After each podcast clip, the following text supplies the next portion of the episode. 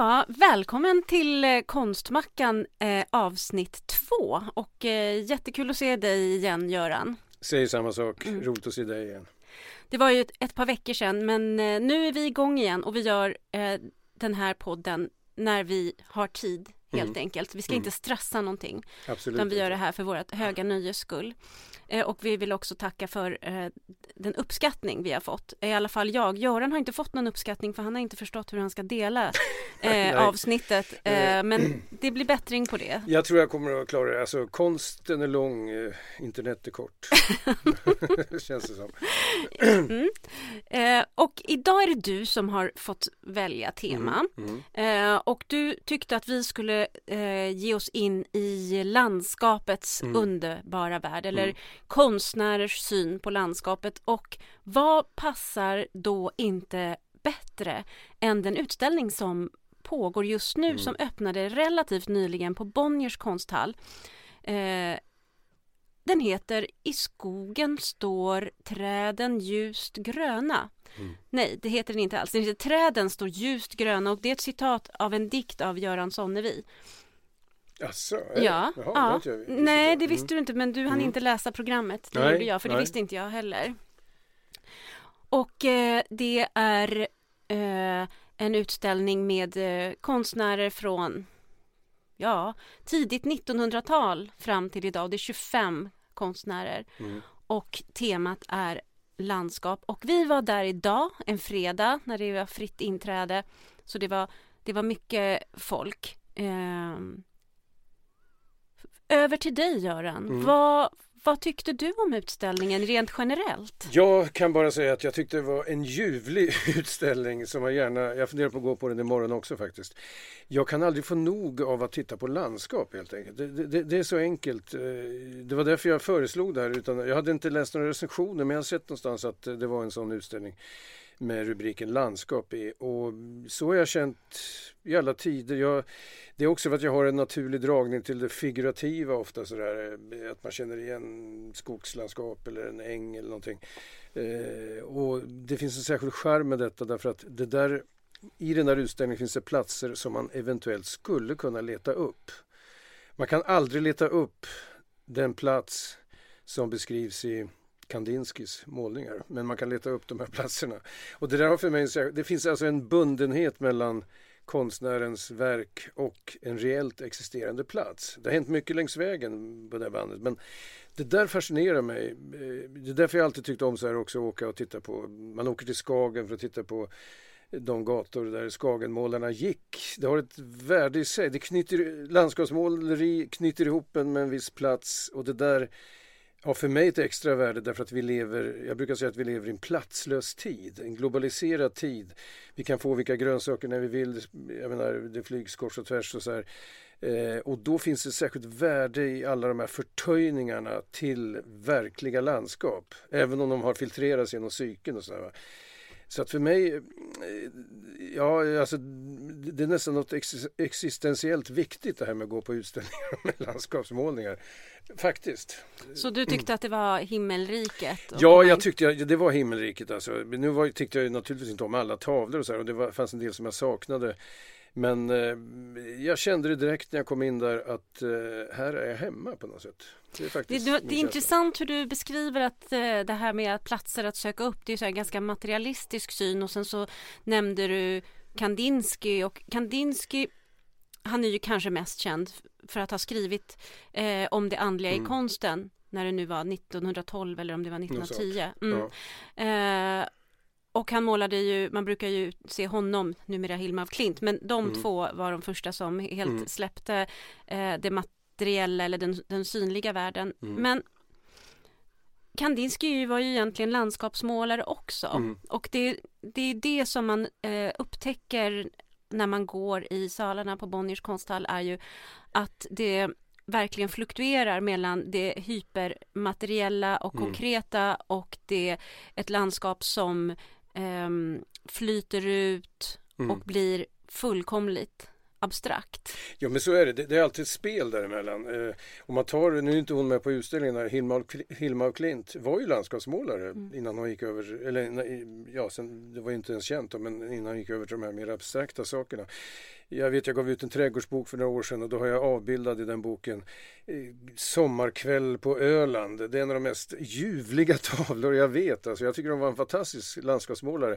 Och då fascinerar det mig väldigt mycket att man kan ta det där steget från att eh, fördjupa sig i ett landskap på det här sättet. Sen nästa steg, visserligen hemligt då för omvärlden eh, tills modern tid här. I nästa steg så hamnar man i jag vet inte vad vi ska kalla det för, abstraktion helt enkelt. Så det finns alltid ett spel där. Men jag gillar ju det här när en konstnär kan på något sätt siktas i terrängen. Alltså. Det, det där har jag alltid tyckt om. Eh, och det var Vad menar du med siktas i terrängen? Ja, alltså, eh, jag vet, eh, om jag ska tro på en landskapsmålning så måste jag nästan utgå från att konstnären har varit där. Om man tar den här som jag inte kommer ihåg vad han heter, Norrbottensmålaren Os, Osman. Helmer Oslund. Oslund, jag har svårt med namnet. Oslund. man kan ju vara säker på att han har stått inför de här vyerna som är ganska majestätiska med älvlandskap eller fjällsjöar och allt möjligt. Eh, och när det gäller Sara Eriksson Vide så känner jag detta. Sara Vide Eriksson. Sara Vide Eriksson, du hör vilken otrolig... det ja, gör ingenting. Sara Vide Eriksson.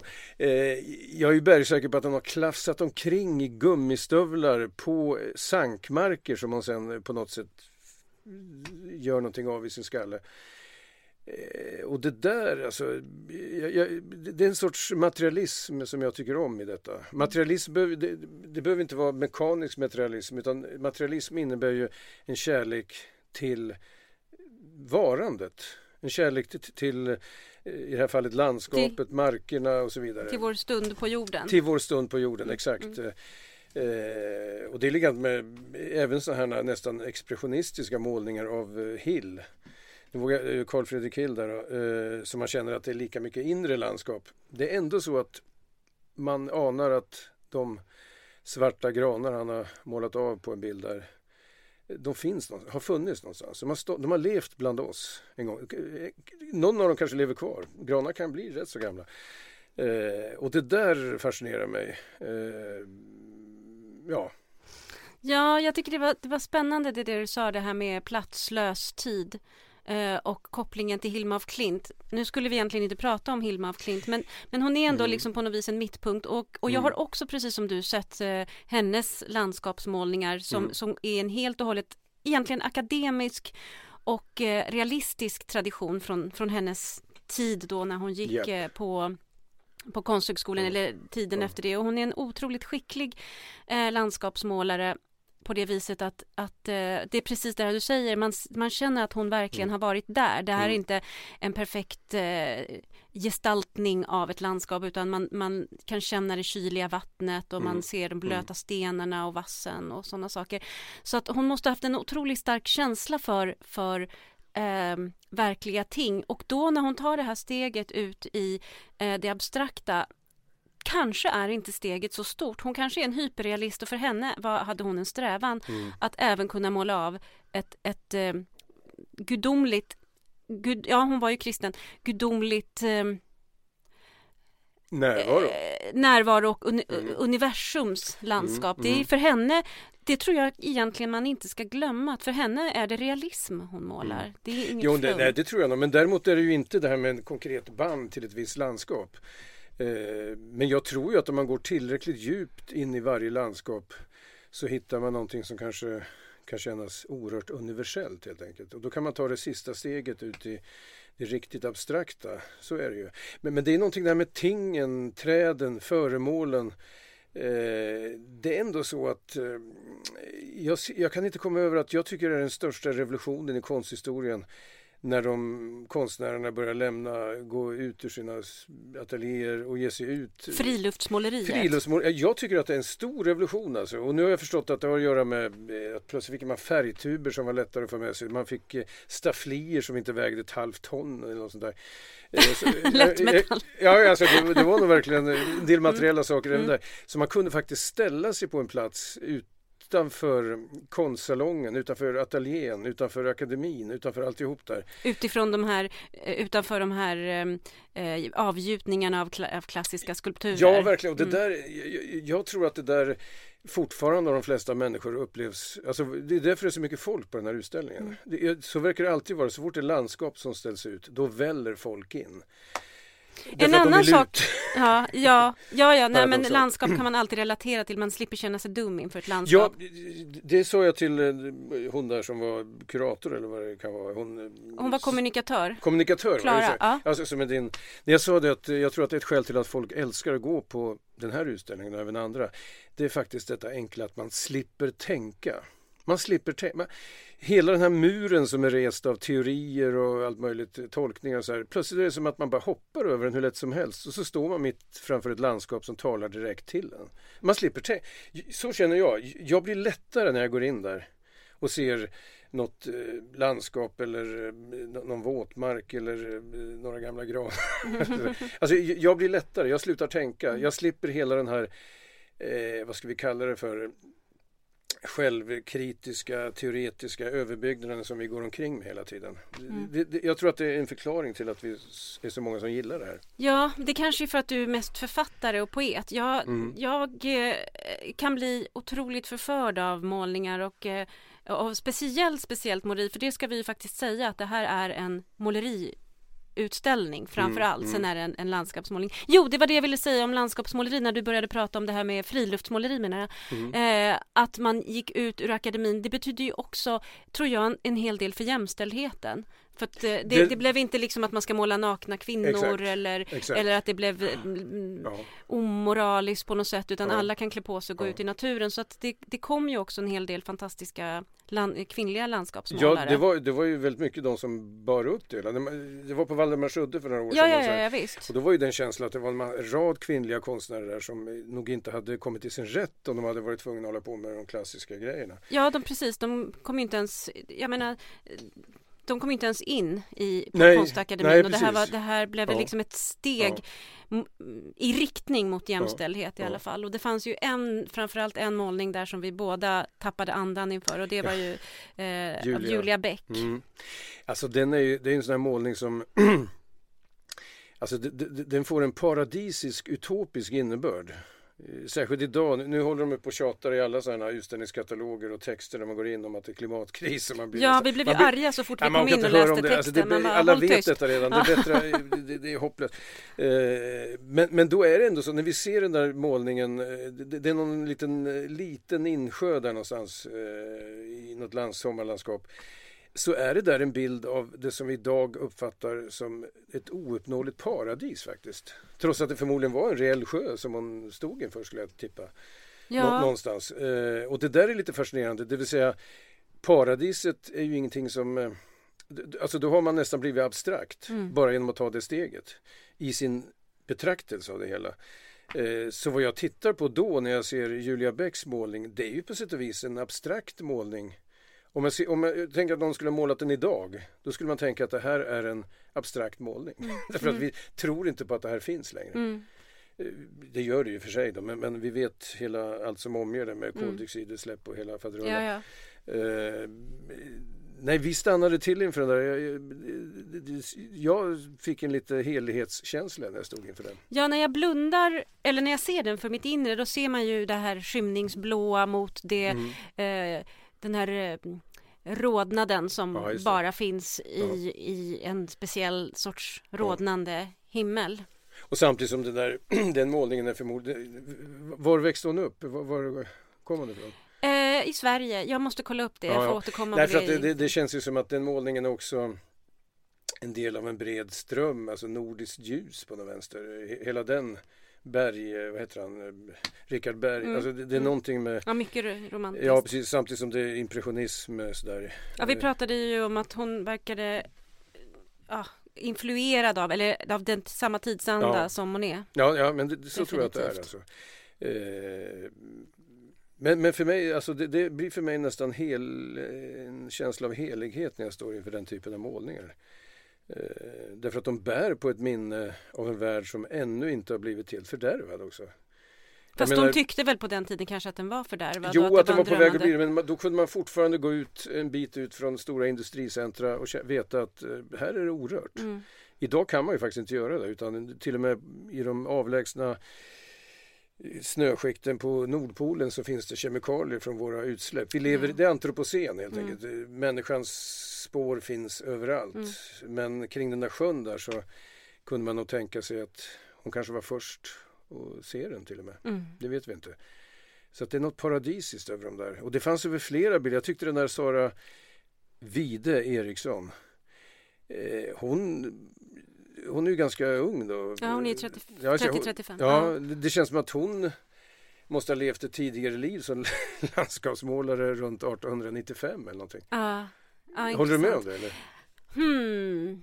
Det är säkert du kan lägga till. Ja, nej, nej, jag, jag vet inte. Nej, men det, det blev ju så eh, att när vi gick omkring i utställningen så var det ju hennes målningar som man mm. stannade upp vid för mm. att de dels eh, de har en, en, en outstanding intensitet mm. och eh, en liksom en saftighet mm. sinnlighet, och, eh, sinnlighet och de är liksom också väldigt närsynta så hon ja. går väldigt väldigt nära, ja. nära fram och eh, hon bor ju där så att det är precis ja. som du säger hon, hon det är det hon gör större ja. delen av sin, sin tid. Hon klafsar jag, just det, jag, jag, tycker jag hör klafsandet runt omkring mm. där. En, en, målning är ju alltid tyst men ibland så hör man kring en målning klafsandet eller eh, fotstegen på asfalt om det är sådana målningar. Eh, men här är det klafsandet av gummistövlar. Mm, mm. Jag, jag, tycker jag hör det. Eh, och det är väldigt, alltså jag, när jag ser hennes bilder och det är flera andra målningar där så känner jag helt enkelt vila. Jag, jag blir väldigt vil, utvilad när jag ser dem där. Eh, jag sover när jag ser dem.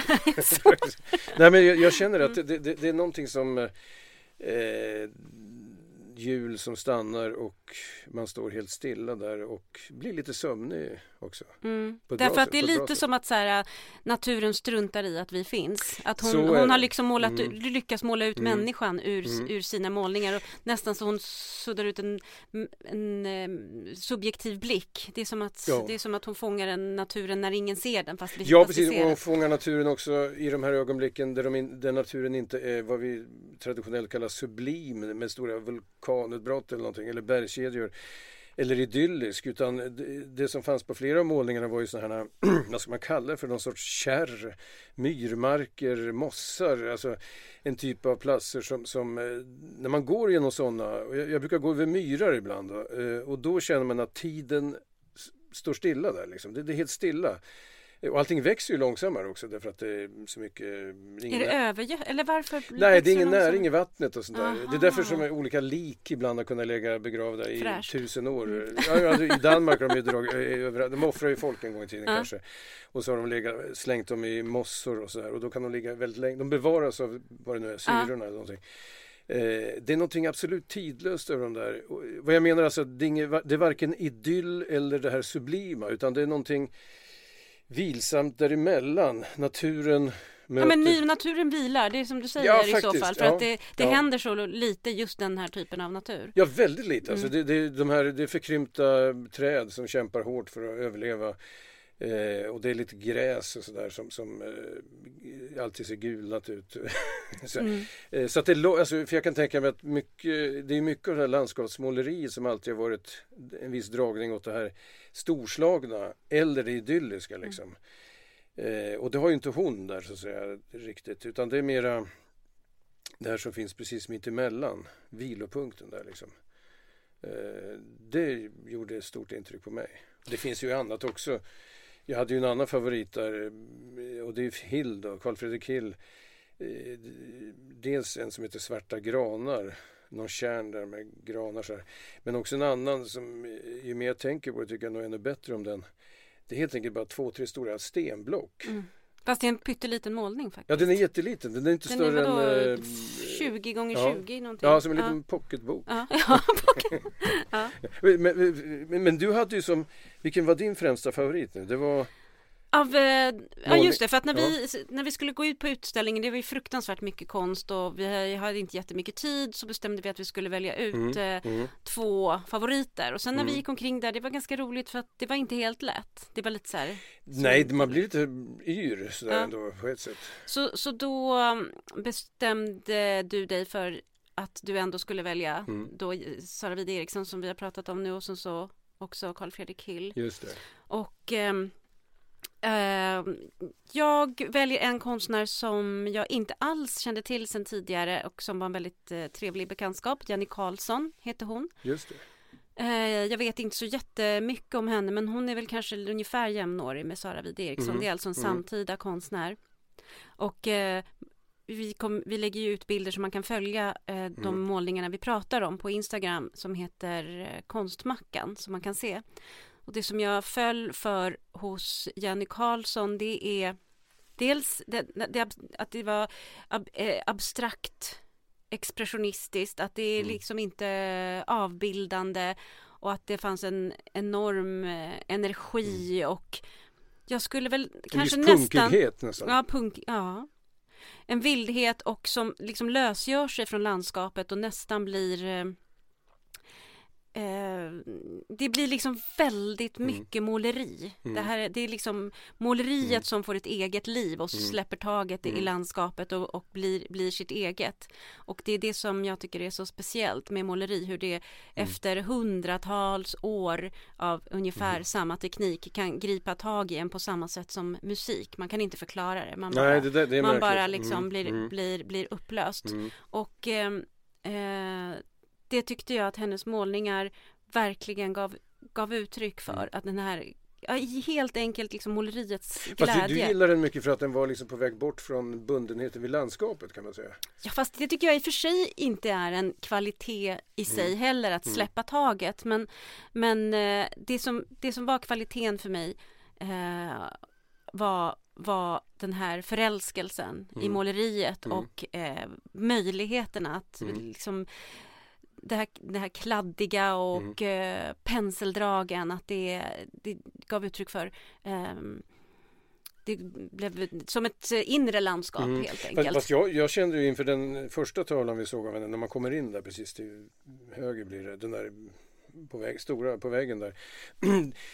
Jag tyckte att det fanns något välbekant realistiskt i det där. Alltså man går lite i kanten av skymningen genom en skog och så kommer man till ställen där det står resterna av en nermultnad eh, byggnad av något slag och, det står några halvt förkrympta tallar och sådär.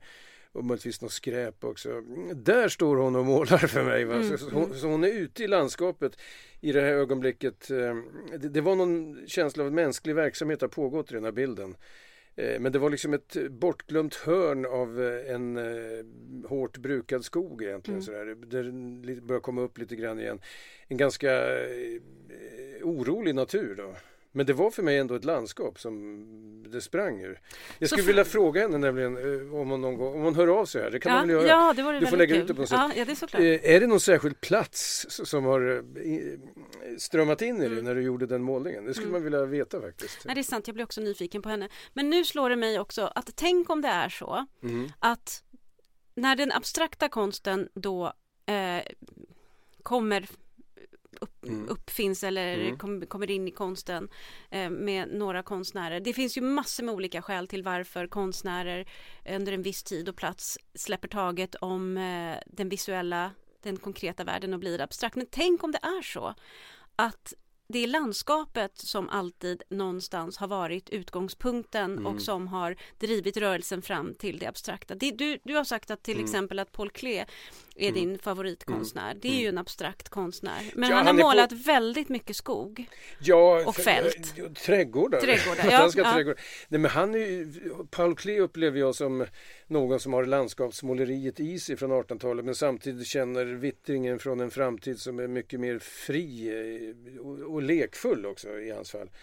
Eh, men det är nog ändå så att han har ett band där till landskapet det är ofta ganska kultiverade landskap känner man ju. Det är inte någon barrskog i taigan. Nej det är sant, det är fält. Utan, ja det är fält. Ja men fälten ja, i sig fält. är ju det är ett land, landskap. Absolut. Det är, alltså, det, det är från, ja. från de här landskapen, fälten till mm. Mondrians svarta mm. linjer mm. med rött, mm. grönt. Det är, det är också ju, landskap. Det är ju landskap. Ja, alltså det kanske är så att eh, vi har överskattat alltid eh, konstnärens inre värld och underskattat den yttre.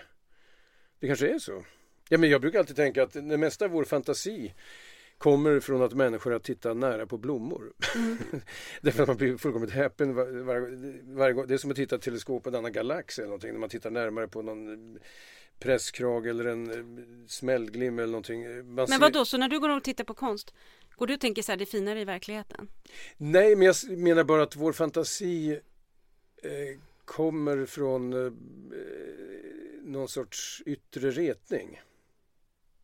Ja, ja, ja, absolut. absolut. Eh, sen har du tagit omvägen via våra nattliga drömmar eller ideologier vi har och allt möjligt. Men, men någonstans, och det är väl för att man är histori eller historiematerialist, materialist. Alltså, vi, och vi är ju natur också i och för sig. Då. Jag menar, vi har ju 400 sorters bakterier i munhålan just nu, var och en av oss. Ja, tala för dig själv. ja, ora, jag, du ska vara glad att du inte har färre i så fall. För att i, Aha, i, okay. timesystemet är det väl uppe i, jag kommer inte ihåg, 10 000. Okay, ja. så, nej, det är bara bra mm, att vi har mm, det. Alltså. Mm. Så det ska vi vara glada för. Eh, men jag menar bara att ehm, eh, vi lever ju en tid som eh, ända sedan upplysningen i alla fall, eller ännu tidigare, som alltid har satt människans förnuft högst. Men eh, det där förnuftet kanske alltid har varit mycket mer beroende av omvärlden än vad vi har tänkt oss. Landskapet till mm. exempel. Mm. Fält, åkrar, sjöar, träd som står ljusa i skogen. Mm. Eh, ja, jag tycker det är rätt så.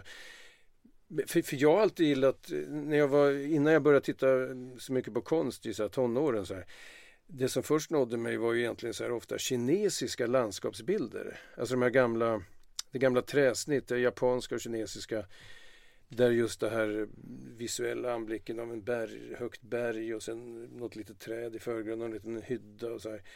Eh, det där sitter djupt i mitt sinne också och det har smält ihop det här med landskapsförälskelsen i landskapsmålningar tror jag. Kineserna har alltid eh, jag undrar om inte de har uppvärderat det där högre också alltid. Ja, nu är inte jag någon expert men visst är det så att för eh, i den konfucianska, taoistiska mm. religionen och traditionen så är landskapet också står för någonting annat än det faktiska landskapet. Så är det, det är, det är besjälat en, av någonting. Ja, det är det, daoism alltså. Ja, precis med, med, med ja. Eh, berg och ja. floder. Um, att det har med någon sorts stillhet och evighet och att uppnå en sorts harmoni. hög harmoni och in, mm, inre mm, frid. Men det är ändå kul tycker jag att, att vi människor ändå är ganska lika.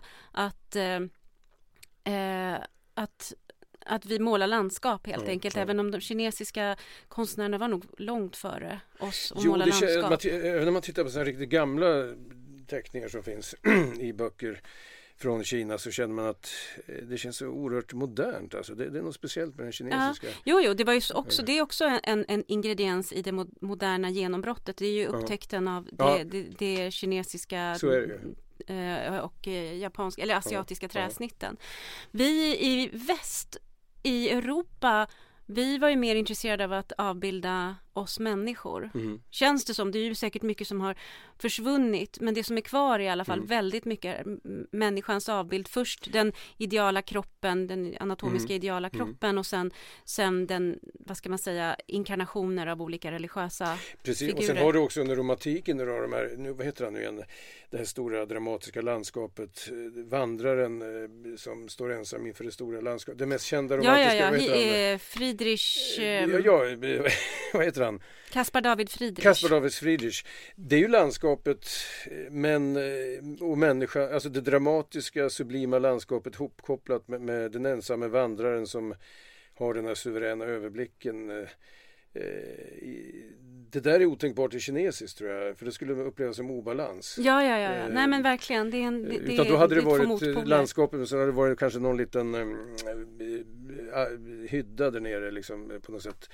Äh, medan det i den här västerländska traditionen, även under romantiken antar jag, så är det så att landskapet den tilldelas en uppgift. Ja, och ska tämjas. Mm. Ja, ja, det också. Av, av människan och ägas och Av den, den ensamme vandraren. Egentligen är han kanske, den här ensamma vandraren kanske är en sån här prospektör av gruvfyndigheter. Exakt, det har jag alltid tyckt. jo, jag har aldrig gillat den där överlägsna... Nej, han står där och, bli, ja, han står där och blickar ut. Ska jag kunna This investera? is mine. Ja, just det. Ska mm. jag, Eh, men får jag fråga en annan, alltså jag kände ju direkt när jag stod i hallen på Bonniers konsthall att min första tanke var så här, är Strindberg här? Hallå ursäkta, är Strindberg här? jag kände mig som Harriet Bosse så här. Nej, men, eh, förstår du, eh, eh, tycker du att han hör till de här landskapsmålarna? Ja, ja, alltså absolut. Eh, Strindberg är, tillhör mina, en av mina favoriter och jag kan också tycka att hans eh, landskapsmålningar kanske har överlevt bättre mm. än, än, hans texter. Mm. Um, för att um, ja, det går nästan inte att få in i sitt huvud mm. hur mm. moderna hans landskapsmålningar är. De här Nej. stormande haven uh, och uh, strandbrynen och det, han är långt före mm. sin tid. Mm. Ja, det är mycket märkligt det där. Alltså, de, Eh, och det är ju egentligen eh, ja, det är lika mycket psykiska landskap som, som reella landskap. I första hand psykiska, tror ja, jag. Det, det är det som ja, är så otroligt jo, radikalt. Det är, samtidigt som jag, jag, det är nog en del därifrån skärgårdsutsikten mm. över ett upprört hav. Sådär, ja, så där kan det verkligen se ut i den svenska skärgården. Ja. Det är ju liksom, det är ja. inte helt idylliskt, det är ganska så vassa klippor ja, det, det, är lite kallt som fan. Ja, jo, men ja. den kamp finns med i det hela. Mm. Nej, för jag tror att det blivit så att uh, Strindbergs målningar har ju blivit nästan lika folkliga som Lars Lerins. tror att folk tycker att de är folkliga? Jag... De är ju inte helt liksom lätta, de är inte insmickrande. De är, de är verkligen... Jag, jag tycker jag har sett ibland när de varit utställda på någon sån här Tilska eller någonting. Det hänger väl några där tror jag. Ja. Eh, och då står alltid folk, jag brukar alltid försöka smyglyssna på vad folk säger där. Och, de, mm. Eh, och, och, då är det plötsligt, alltså den stora titanen som retade alla en gång i tiden har plötsligt blivit snarare en tröstare. Mm. Ja, det är sant. Mm. så, mm. och det där är, så jag, jag, nu var ju inte han med på utställningen här. Eh, ja men så där är det ju alltid. Ja, jo, ja, gud, alltså jag... den, den konstnären var med och varför jo. tog de med den, varför tog ja. de inte med jo, den vet, och sådär. De men det var min känsla när jag, jag, jag, jag ja, direkt hon... Men det var eh, lite jättekul tycker jag också ja. med den utställningen för att det, den fick en att tänka på konstnärer som inte var där. Och det, ja, ja. Då, då, dyker mm, de ju också mm, upp på ett sätt. Mm. Men vad tyckte du om utställningen liksom som kuratorsgrepp? Ja, alltså, jag retar mig för sig alltid på det. Varför kan det inte under varje tavla stå vem som har gjort det och när det har gjort det och vad det heter och så vidare. Istället fick vi, vi sprang ju som tättingar från eh, några tavlor som vi funderade på vem det var bort till ett hörn där det var en karta över det hela och så var det fel hörn. Fick man springa till andra. vi fick mycket motion. Ja, alltså, men jag håller med att det är retligt alltså. Mm, ja. jag, jag, förstår ju tanken här att de vill väl att de där verken ska belysa varandra uh, utan att vi ska behöva stödja oss på att vi vet vilka det, exakt vilka det är. Och så här. Det finns ju en poäng med det. Men, men jag tycker att ur pedagogisk synvinkel så skulle det vara lättare för alla om det faktiskt stod. Det är en naturlig instinkt när man ser en målning att leta efter. Man tittar efter signaturen, man tittar efter om man vet när den tillkom och sådana saker. Mm. Så att, jag tycker det var det enda jag hade emot det hela. Mm. Att det hade faktiskt underlättat om, om eh, det hade stått eh, tydligare. Du kände, kände du likadant? Eller? Eh, ja, det sa jag i, i, i vårt första avsnitt också, eh, mm. eh, som är min favorit mm. eh, inom när man pratar om konst och det är det man inte vet, det ser man inte. Så att det finns liksom, mm. för mig finns det absolut ingen poäng att mm. utelämna information. Nu är inte informationen utelämnad men ändå, det man ser vill man liksom kunna läsa. Så vi Faktiskt. fungerar så. Mm. så ja, jag, jag, det. Jag är ganska ja. kritisk till, till hängningen och jag sällar mig nog till den kritik mm. som har förts fram till den här utställningen. Mm. Eh, att eh, eh, det är dels det här att eh, inte, inte finns några skyltar mm, mm. och mm. dels själva temat är jag inte helt mm. nöjd med heller därför att vad händer Dels det här blaj-blajet om klimatet, det är bara så här, lägg ner. jo, ja, det, är nästan, eh, alltså det är kontraproduktivt helt enkelt. Därför att eh, om det står så där i varje läge om klimathotet, eh, då, då värjer man ju Ja, sig. det blir så här som ett brus i huvudet. Mm, ja, faktiskt. Ja. Eh, och eh, det andra är att vad händer om man gör en stor utställning med landskap från 1900 till idag? Jo, det blir verkligen en grönbrun röra. Okej, okay. jo det, det, ligger väl något i. Men det var samtidigt så många verk som helt bröt sig ur det hela. Det första jag fastnade för, jag fastnar alltid för eh, Valmo. Just det. Eh, det, det, det Gerhard Nordström. Ja, precis. Jag visste inte ens vem det var där. Men det, det, är alltid samma visa. Så fort jag ser en Valmo, vare sig den är röd eller någon annan färg, så, eh, så stannar jag till där. Och det vet jag inte vad det Men det är en fantastisk liten blomma det där. Alltså, jag brukar själv odla så här, så ut kornvalmo och så här. Och det finns ju massa sorter.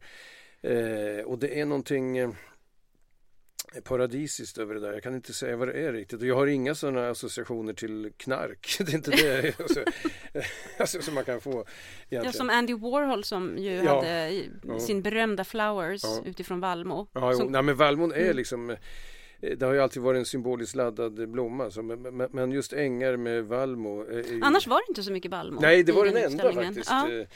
Eh, nej men jag tycker nog, jag håller med om det där med, alltså just det där med skyltningen var ju dålig sådär. Eh, men sen att du säger att, vad, vad kallar du för grön? Brun, brungrön. Alltså, inte ens rödgrön?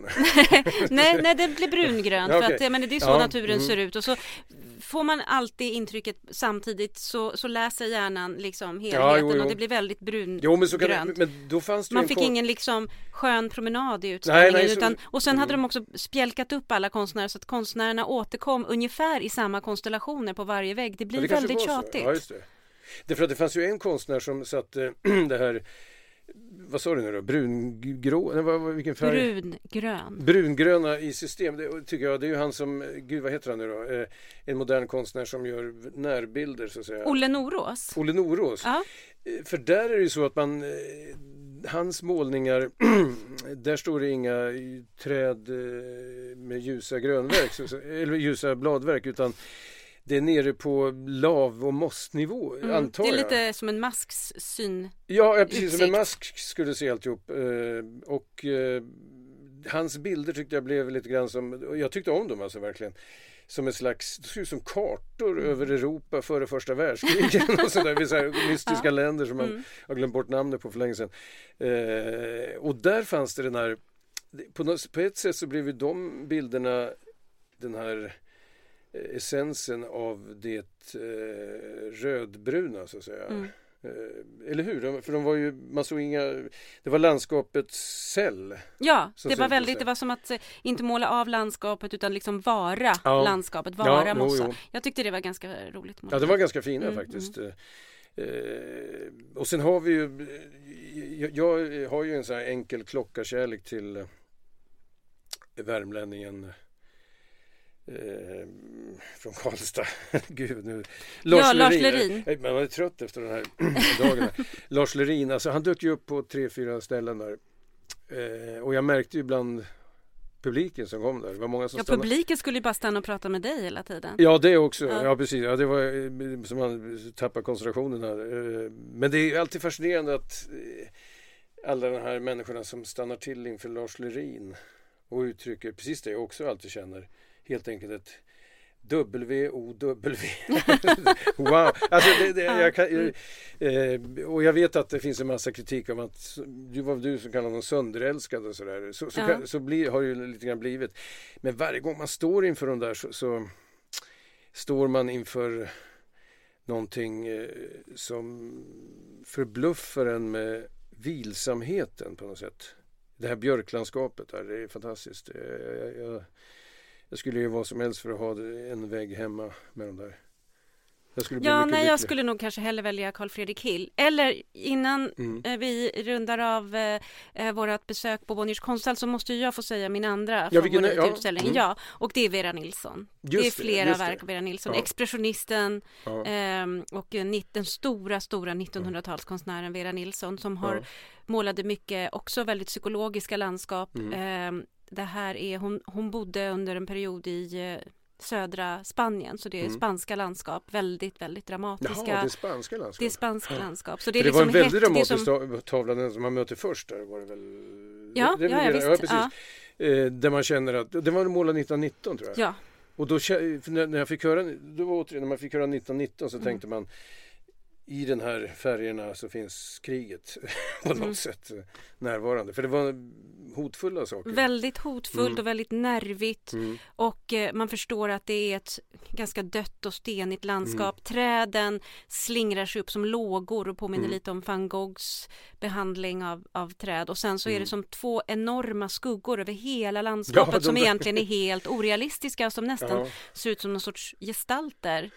Ja, det är någon, någon sorts jag, synvilla nästan. Ja, jag, jag, vet inte om hon var intresserad av så här flamenco och sånt där. För att det, det var nästan en sån känsla i det hela. Att, att det är något otroligt mörker som eh, dansar runt där i bilden. Mm. Eh, just de där två, det såg ut som varelser liksom. Ja, exakt. Jag tänkte på de här Hobbit-filmerna när ja, stenvarelser eh, håller på. Får liv, ja. Ja, just det. Ja. ja, men då har vi ju fyra favoriter där? Ja, det, det, var ju eh, många fler som vi stannade ju upp vid ett ja, ja. underbart litet landskap av Lennart Rode som sen ju blev helt konkret mm. eh, bara några mm. år senare som mm. släppte mm. det figurativa. Mm. Eh, och, ehm... Men det där var i gränslandet då mellan det figurativa ja. och någonting annat. Mm, eh, och jag det, gjorde stort, det var roligt att peka ut just den där för att den, den gjorde stort intryck på mig. För det kändes som hela den grundläggande inspirationskällan var närvarande så att man förstår honom bättre än man gör sen. Mm. Eh, ja, det är väl inget som händer där kanske. Nej, nej. nej. Titta på okay. inspelningsapparaturen här, nej men den har vi nog kontroll över. Ja, och sen så också den som har pratat om landskapet som ockuperad mark är ju Anders Sunna, som Just jag tycker det. är värd att nämna också. Där, där landskapet blir mycket, mycket mer laddat mm. än, än som en frizon utan snarare mm. en ockuperad Eh, och också plats. ett mått av humor där. När han sätter in små symboler, vad det nu var för något, någon kommun. Ja, precis. Svensk, Med en liten, liten symbol bara ja. eh, så, så ser man att den här fria vidderna ja. liksom ägs av någon ja. och det är inte renskötarna. Ja, nej, verkligen. Det är en det, väldigt stark det, konstnär. Um, så att uh, vad ska man säga sammanfattningsvis om utställningen? Det är ju så att uh, människor, precis som du säger, de eh, man blir lite liksom rädd för konst och så om det kommer en landskapsutställning så går man gärna på den. Mm. Jag tycker ju kanske att man mm. eh, eh, ska utmana publiken lite mm. mera mm. än att bara liksom slänga ut lite mm. landskap.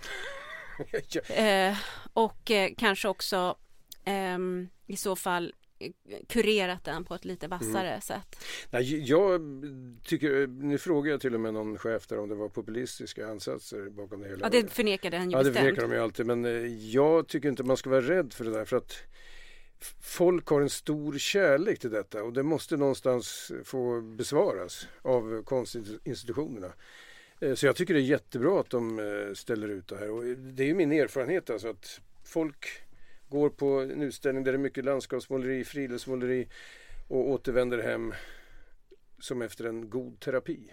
Mm. Och det är värt oerhört mycket. Det är värt väldigt, väldigt mycket. Eh, nu tycker jag det ska finnas allting, möj, all, alla möjliga varianter på saker och ting. Men, men jag tycker inte konsthallarna ska vara rädda för det där.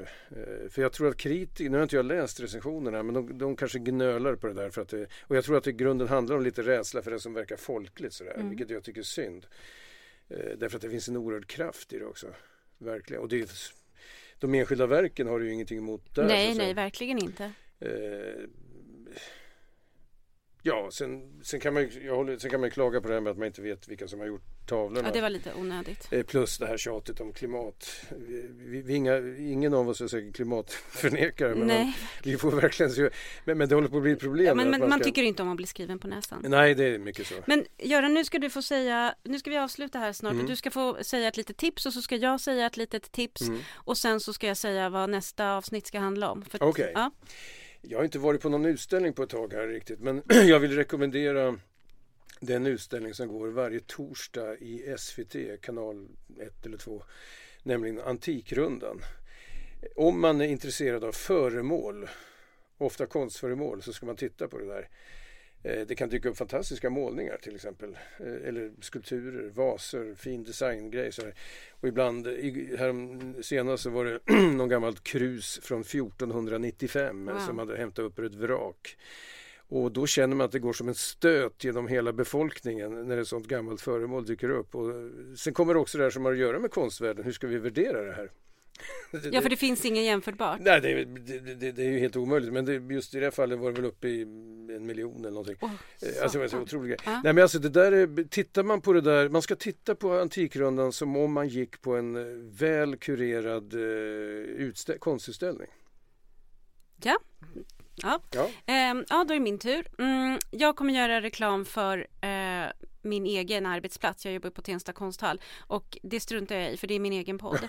eh, och det är en uh, utställning med en konstnär som heter Jomana Manna som uh, uppvuxen i Jerusalem, palestinsk konstnär som har gjort en film som heter Wild Relatives och den knyter väldigt fint an till våra tema idag om landskapet och mm. Wild Relatives det syftar på Eh, jag vet inte vad det, den svenska, det, det, vet säkert du, det handlar om sådana originalfrön så att säga, alltså frön som kommer från grödor från en specifik plats och som har härdats på ett speciellt sätt för ett speciellt klimat, alltså mm. inte sådana man kan köpa på internet eh, eller Nej men det är, jag förstår vad du menar, det, det är en hel stor fråga nu. Ja, ja. och den, det, det, är som en dokumentär, en poetisk mm. dokumentär som, som handlar om hur en, eh, ett fält som har då ägts och eh, av eh, ett intresseorganisation som just eh, vill ska bevara fröer mm. eh, för, mm. för ett speciellt klimat. Det finns både biologiska och kommersiella intressen kring det. Mm. Icarda heter det här, mm. eh, den här organisationen.